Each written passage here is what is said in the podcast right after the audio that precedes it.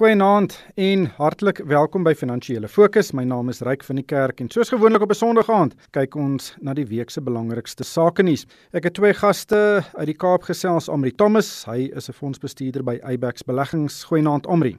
Goeienaand Ryk, goeienaand luisteraars. En hy Thomas het Wes gesels Mia Creer, sy's 'n direkteur en 'n portefeuljebestuurder by Creer Internasionaal. Goeienaand Mia.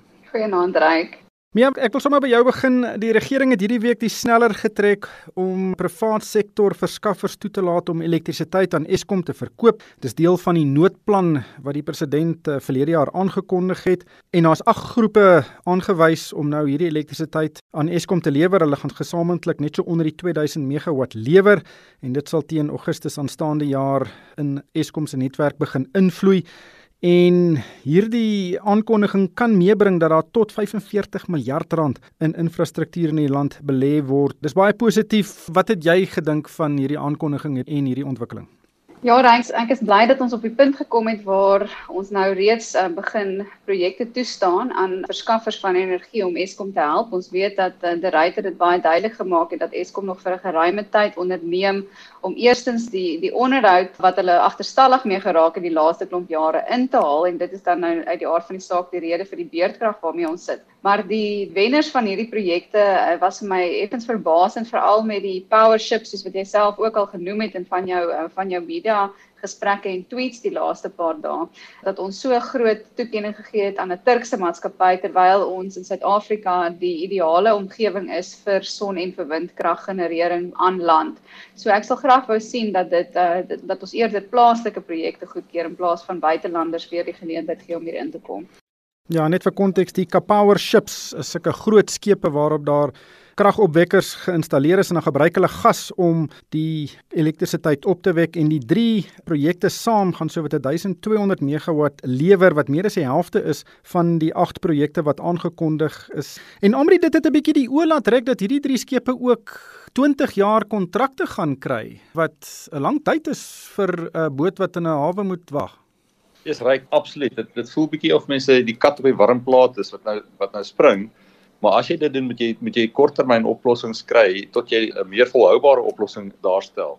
In 'n 20 jaar kontrak uh, vas te teken is 'n langtermyn kontrak en veral in Suid-Afrika se se politieke geskiedenis. Ek sou wou sien as hulle dit doen dat dit 'n korttermyn kontrak is. Hierdie epe kan jy vinnig weer verskuif na na nuwe plekke toe. So ek weet nie hoekom dit nodig was om 'n 20 jaar kontrak te sluit nie. Ek sou ek kan verstaan dat hulle dit doen want dit is 'n redelike vinnige bron van en van van elektrisiteit maar ek sou graag wou sien dat dit 'n 3 of 'n 5 jaar projek was. Mens weet nou nie wat al die detail daar agter is nie, maar dit klink dit klink geweldig lank en soos Miak en jy reg opmerk, dit is meer as helfte van die totale uh, kapasiteit. So mense sou meer wou sien 'n plaaslike uh, bidders voordeel word.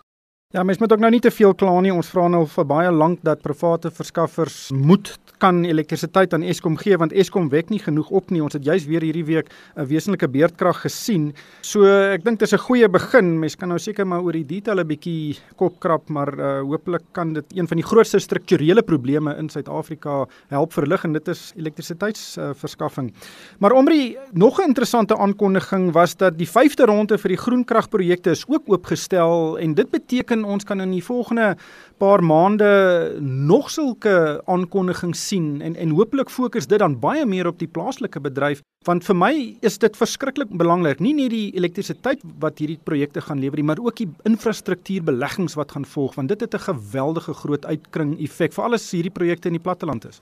Absoluut uh, Ryk, ek dink dit is baie positief. Nou daar was lank getraag om hierdie vyfde ronde oop te maak. So dit is baie positief om te sien dit word oopgemaak. En ons het ons het plaaslike kenners wat dit kan doen. So ek dink dit dit is positief en dit gaan baie werk skep en dit is 'n volhoubare manier van energie skep en van elektrisiteitsverskaffing. Mense sou nou wonder wat die langer termyn impak gaan wees op Eskom en hoe gaan mens dit in die elektrisiteitsnetwerk integreer?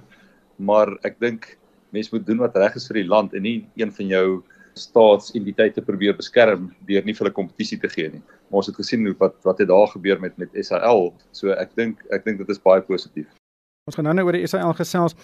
Maar Mia, dis 'n baie goeie punt wat Omri daar maak. Mens moet nie die Eskom beskerm nie, maar Andre de Ruyter het nou al op 'n paar geleenthede gesê, luister, hulle verwelkom private verskaffers om elektrisiteit op te wek. Hulle het 'n baie baie ou vloot kragstasies buite Kusile en Medupi en daai goed gaan moet afgeskakel word en daar gaan nie nuus gebou word nie, so dit is uh, onafhanklike verskaffers wat daai elektrisiteit moet lewer en hooplik is hierdie nou by die begin van 'n proses waar ons gereeld nuwe projekte sien. Ja, daai is reg. Ons uh, hoor al vir vir baie jare. Ek meen as ek nou praat van baie jare, dink ek terug aan die tyd toe ek nog in die laerskool was en my pa op die op die munisipaliteit ag op die ehm um, raadslid was in Johannesburg en daar was die myne toe al reeds gereed en gretig om hulle eie energie te verskaf. So dit is al 'n geruime tyd dat veral die mynbou sektor in Suid-Afrika wat een van die groot verbruikers van van krag in die land is, uh, reeds hulle eie in die in die posisie is om hulle eie energie op te wek. En dit is nou 'n ideale geleentheid vir hulle om om hierdie energie self op te wek en te benut.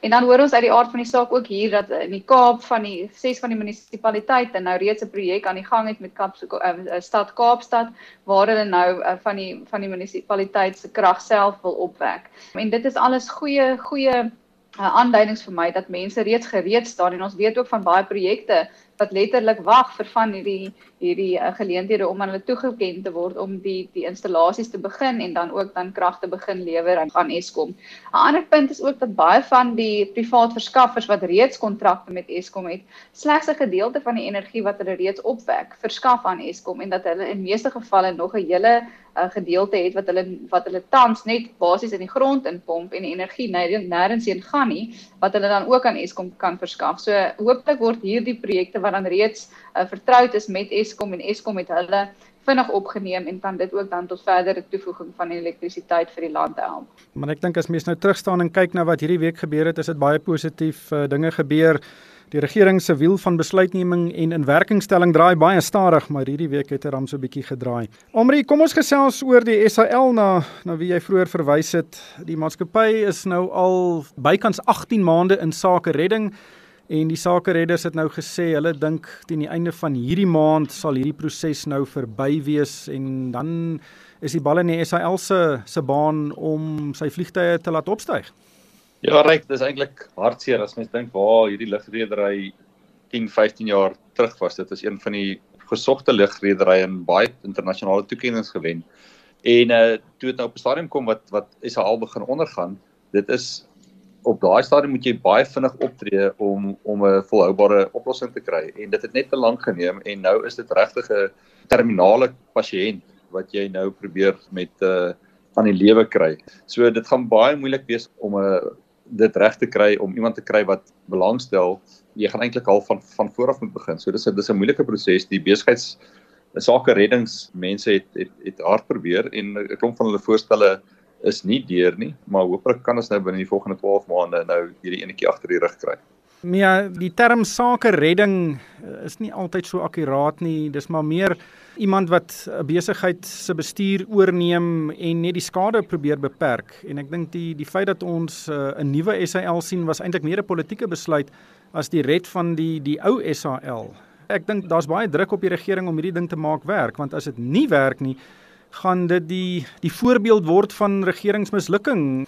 Ja, ek dink egter dat uh, die feit dat dat uh, eh, SAL steeds die lig gesien het deur verdere befondsing uit um, uit belastingbetalers se sakke uit is eintlik maar 'n skande. En die feit dat hulle dit nog steeds kan stop dink ek meer mense sal bly wees om te hoor dat daar nie verdere geld van die belastingbetalers na SAL toe gaan nie en dat dit gestop is as wat dit 'n groot uh, verdere skandaal en terugsakking vir die regering sal wees.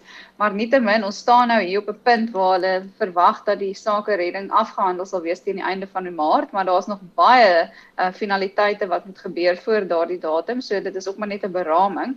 En op hierdie stadium is SAL ook steeds op soek na verdere beleggers en hulle het nog nie toegetree van verlede jaar wat die staat reeds onderneem het om groot verdere beleggings te maak in die in SAL nie en het dit nog steeds nie die nodige vertroue gewek by beleggers beleggers om deel te neem en te belê in SAL nie. So op hierdie stadium is daar nog nie lig aan die einde van die tonnel nie en selfs wanneer ek kyk na hoe hulle praat in die besigheid van uh, hoe hulle die vlugte gaan uh, begin aanbied weer. Hulle gaan slegs plaaslike vlugte aanbied. Hulle praat op die oomblik net van plaaslike vlugte wat deur 'n uh, Mango, hulle goedkoop arm hanteer gaan word en die internasionale vlugte sal hulle dan weer eens deur buitelandse lugrederye laat gebeur op hierdie stadium terwyl daar nie baie vraag is nie. So dis nog nie vir my regtig duidelik hoe hierdie besigheid uh, die lig gaan sien nie. Kom ons kyk 'n bietjie na koöperatiewe nuus. Omri Absa Netbank het hierdie week resultate aangekondig. Op die oog af was dit nie so goed nie. Absa se wesensverdienste was 58% laer, Netbank se was 56% af. En dit volg nadat Standard Bank verlede week aangekondig het sy wins is met 43% af en FirstRand se se wins was 20% laer. Absa en Nedbank het nie 'n dividend verklaar nie, maar Standard Bank en First Rand het wel. Baie interessant. Wat het jy gedink van die banke se resultate? Ja, reg, absoluut. Nou, ek dink as ons as ons teruggaan 'n jaar en dink waar ons was toe pandemie net Suid-Afrika getref het en ons in vlak 5 gesluiting was, het mens geweldige negatiewe resultate verwag van die banke. So ek dink alhoewel die resultate sleg was, het dit selfs die mark en bestuur verbaas dat dit nie nog erger was nie. As mens kyk na die slegte skulde, die slegte skuldvoorsiening, daar is selfs sprake dat van daai slegte skuldvoorsienings gaan teruggeskryf moet word. So ek dink dit dit was swak, dit was verwag deur die mark en dit is eintlik dalk bietjie beter as as wat die mark gevrees het. En dit skep 'n lae basis natuurlik vir volgende jaar. So ek dink die vooruitsigte vir banke lyk like, uh, lyk like baie beter. Ons banke relatief tot ander opkomende markte se banke as ook van die wêreldbanke dink ek lyk nog steeds aantreklik waardeer en baie van hierdie oorseese banke het nou gesien dat hulle het hulle 'n goeie loopie in ingesit. Nou ons banke het dit ook gedoen, maar ek dink daar is dalk nog 'n bietjie ruimte vir vir verdere prestasie. Ja, maar ek dink ook die banke het hierdie krisis baie baie goed hanteer. Die winste is miskien af, maar hulle kapitaalposisies is nog steeds baie gesond en en dit is eintlik die syfer waarna ons nou moet kyk. Ja, absoluut reg, dit is so en ek stem saam met wat Omri gesê het en dan soos wat jy nou self sê, hoe die manier hoe die banke dit hanteer het. In meeste gevalle het meeste van die banke van hulle kliënte tegemoet gekom wat terugbetalings betref, so hulle het ook die regte ding gedoen. En en dit het tot 'n groot mate baie besighede gered wat andersins nie sou kon um, bybring om terugbetalings te maak nie. So hulle het vakansies gekry op van die terugbetalings wat ek ook voel die regte ding was om te doen. Maar nietemin, die feit dat hulle sulke groot uh, voorsienings moes maak vir skulde het maar die wins inkomste opgeëet die laaste tyd soos Omri ook noem dit kan weer teruggeskryf word as inkomste sou hulle dit nie gebruik het nie. Maar wanneer ons luister na meeste van die maatskappye wat nou met hulle resultate na die markte gekom het, is die verwagting wel dat ons 'n derde 'n golf gaan sien van die COVID-19. My verwagting is glad nie dat die ekonomie weer so sal toemaak nie, maar die feit bly staan dat uh, sodra mense siek raak, is besigheid maar net ook minder en hierdie besighede gaan almal nog steeds geraak word as gevolg van die feit dat ons ekonomie maar ook aan so dun lyntjie hang met so hoë werkloosheidskoers hier so op die plaaslike front. So dit bly 'n moeilike omgewing vir banke en uit die aard van die saak is enige lae rentekoers omgewing vir 'n bank 'n baie moeilike plek om om geld te maak en dan as jy nog daarop uh, toevoeg die feit dat hulle geen lenings meer regtig toestaan nie, mense maak meer deposito's, dis nie regtig die kant van die besigheid waar die bank meeste van hulle geld maak nie. So dit bly 'n moeilike uh, uh, besigheidsomgewing vir die banke om geld te maak. Nietemin is hulle baie goed gekapitaliseer en ek dink hulle gaan definitief die lig aan die einde van die tonnel sien. Hoe winsgewend hulle in die volgende jare wat gaan wees, is ek nie so seker oor nie. Ek dink baie baie gaan afhang van hoe wesenlik hierdie derde golf gaan wees as dit kom. Hooplik kom dit nie want dit gaan ekonomiese aktiwiteit weer soos jy sê beperk. Maar om die die kredietgraderingsagentskap Fitch het hierdie week eintlik verras. Hulle het gesê hulle verwag dat die Suid-Afrikaanse ekonomie nou vanjaar met uh, tot 4,3% kan groei. Wat heelwat hoër is as meeste van die ander verwagtinge en as dit gebeur, kan daar dalk baie maatskappye wees wat heelwat beter vaar as uh, wat baie ontleeders verwag. Indien ons met 4,3% groei, watter sektore dink jy gaan die meeste daarbey baat?